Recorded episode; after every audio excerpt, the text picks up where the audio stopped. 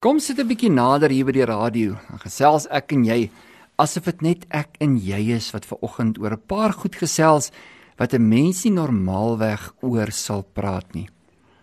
Kom ek en jy gesels oor daai dag toe jy jou kuite vir God gewip het. Daardie dag toe jy gedurf sê het ek is teleurgesteld in God. Ja, het jy jou al vir God vererg? Dis 'n algemene verskynsel van die mens.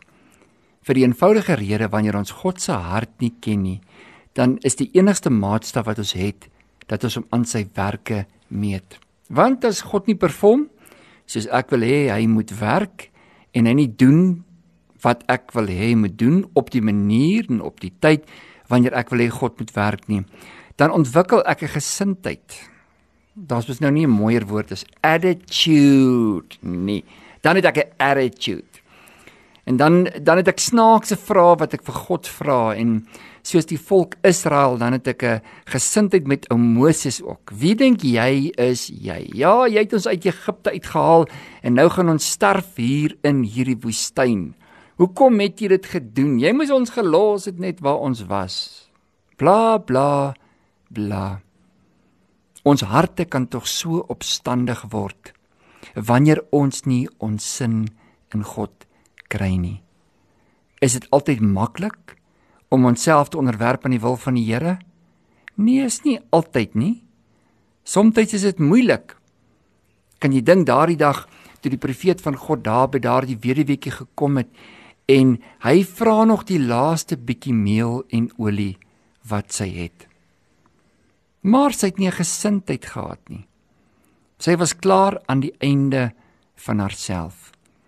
As ek en jy vol is van onsself, vol is van ons eie verwagtinge en ons eie ideologieë en ons eie agendas, dan is ons baie keer op 'n plek waar ons dink ons is groter as waarheid.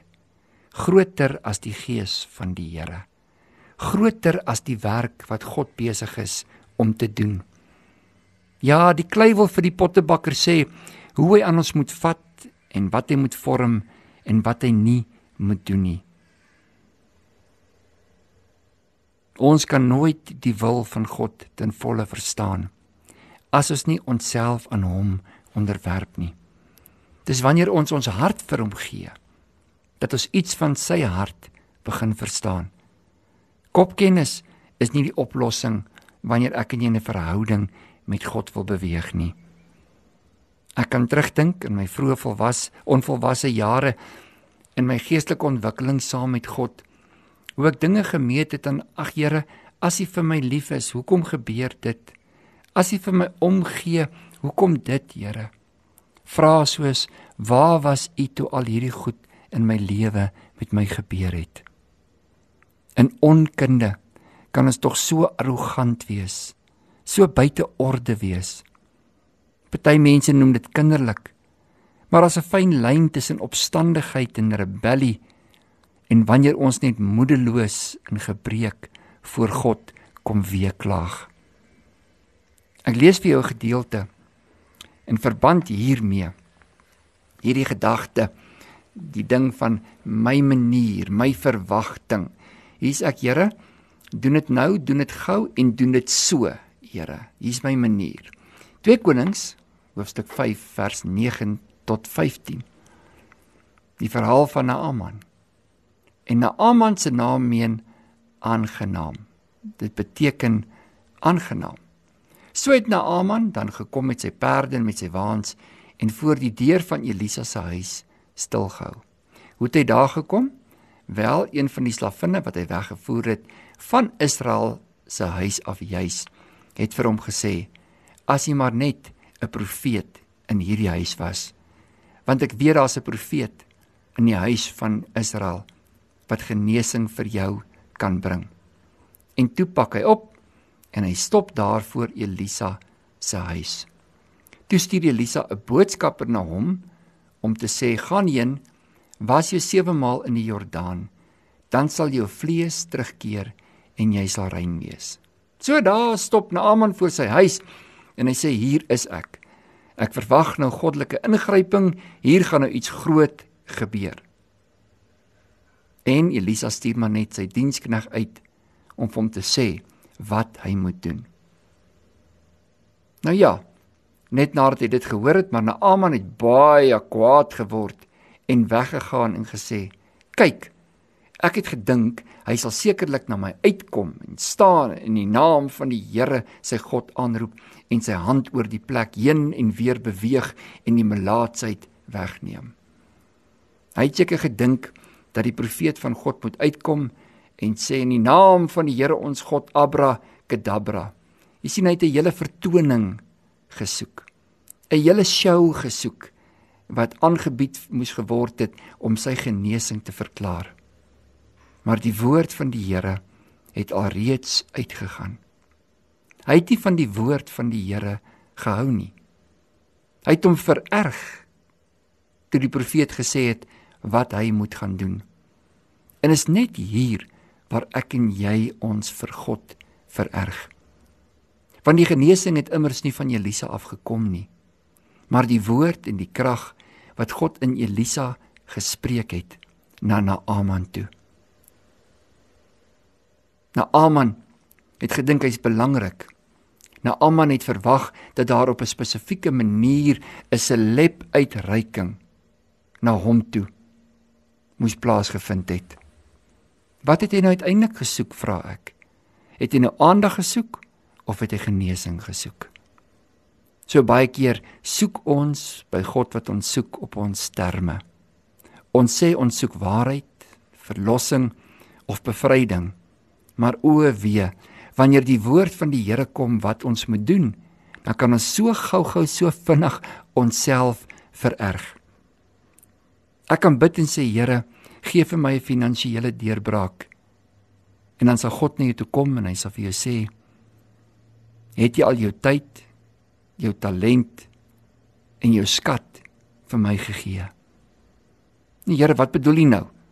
Ek het mos nog gekom sodat U my help. Wat vra U nou van my? Vra U nou nog geld ook, Here? Ek het juis gekom sodat U vir my geld moet gee. Nou vra U vir my 'n tiende van my lewe. Ek het nie gekom iets te gee nie, Here.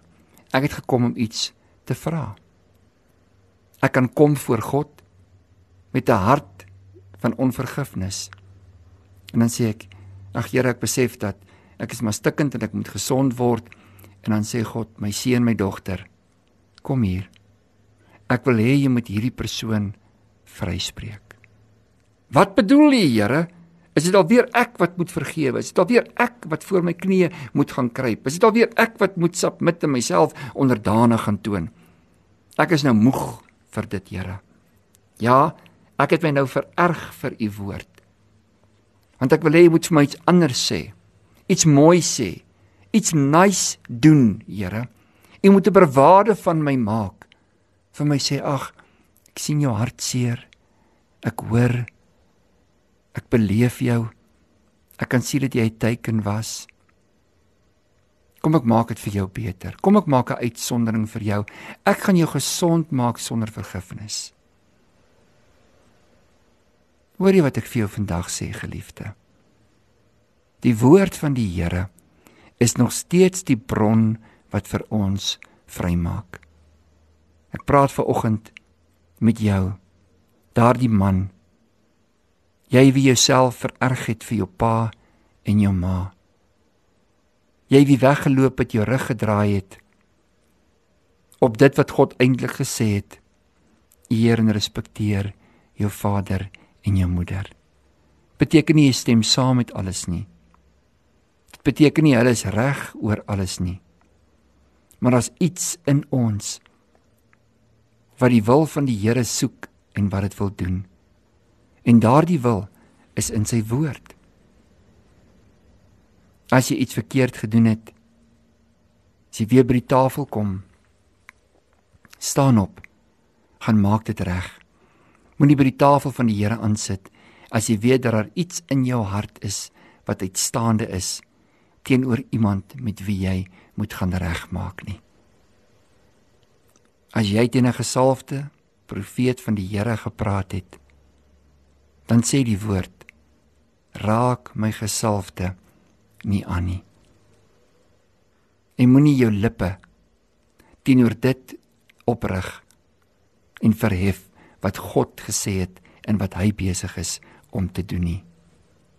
Wees baie versigtig om te vervloek wat God geseën het. Wees baie versigtig om oor 'n 17-jarige seentjie in die jong adolessensie lewe van Dawid uitsprake te maak oor wat jy dink van die profeet se salwing oor hierdie rooikop seentjie. Wees versigtig. Dawid moenie sommer maar net omdat jy kan Saul se soem gaan knip nie. Moenie 'n punt probeer maak nie, Dawid. Onthou die Here, jou God. Moenie jou vererg vir die woord van die Here nie. Weet jy wat sê Naaman? Nadat hy homself so rudely upset het omdat die man van God nie eens uitkom na hom toe om in die oë kyk nie, sê hy: "Is Abana en Farpar, die riviere van Damaskus, nie beter as al die waters van Israel nie? Kon ek my nie daarin was en rein word nie?" En hy het omgedraai en vererg weggery. Ja, hy het aanstoot geneem teen die woord van die Here. Wil jy nie vandag jou hart weer omdraai as jy aanstoot geneem het teen die woord van die Here nie en weer terugkom na dit wat God gesê het nie nadat Naaman weggery het vererg vies toe kom sy dienaars nader en spreek met hom en sê my vader as jy die profeet 'n groot saak beveel het sou u dit nie gedoen het nie hoeveel te meer nou dat hy u gesê het was jou en jy sal rein word daarop het hy afgeklim en sewe maal in die Jordaan ondergeduik volgens die woord van die man van God en sy vlees het teruggekeer soos die vlees van 'n jong seun en hy het rein geword. Jy sien, in daardie oomblik toe doen God wat hy gesê het hy gaan doen. Want God is altyd getrou aan sy woord. Soek die woord van die Here in jou omstandighede. Jy mag dalk baie planne hê. Maar wat sê die woord? Jou idees en kreatiewe denke kan nooit 'n plaasvervanger wees vir wat God vir jou sê om te doen nie. Jy dink dalk daar's 'n ander manier. Maar is maar net 'n ompad. Dis net nog 'n jaar, nog 2, 5, 10, 40 jaar om dieselfde ou berg van gesindheidsprobleme, van opstandigheid, van rebellie teenoor God. Sy woord kom vandag na jou toe. God het jou lief, hy gee om vir jou. Sy hart is dat dit met jou moet goed gaan. Dis hoekom hy sy seun vir jou gegee het. Nie sodat jy al daardie ander vrae in 'n lelike gesindheid moet vra nie, maar sodat jy juis by die punt kan kom om te sê, Here, Wat sê u woord moet ek doen? Wat sê u woord van my, Here? Wat sê u woord van my lewe? Ek gee weer my lewe vir u. Hier's ek, Here. Al verstaan ek nie. Ek glo in u. Al weet ek nie hoekom die dinge gebeur en hoekom ek is waar ek is nie. Here, hier is ek. Ek glo in U. My woede in hierdie oomblik breek af. Verdwyn in die teenwoordigheid en in die krag en refleksie van U liefde vir my. Ek weet U het my lief. Ek weet U gee vir my om. Daarom Here, spreek net die woord. Vader, ek bid nou vir hierdie vriend en vriendin van my dat u deur u gees die woord nou in hulle hart ja in jou hart sal inspreek daardie woord wat lig en lewe bring daardie woord wat vrymaak daardie woord wat herstel wat blydskap bring en wat die vrede van God wat alle verstand te bowe gaan en ons harte en sinne bewaar en ons binneste kom woon Ons dankie daarvoor Vader. Dankie vir 'n voorreg om U Vader te kan noem in Jesus naam. Amen.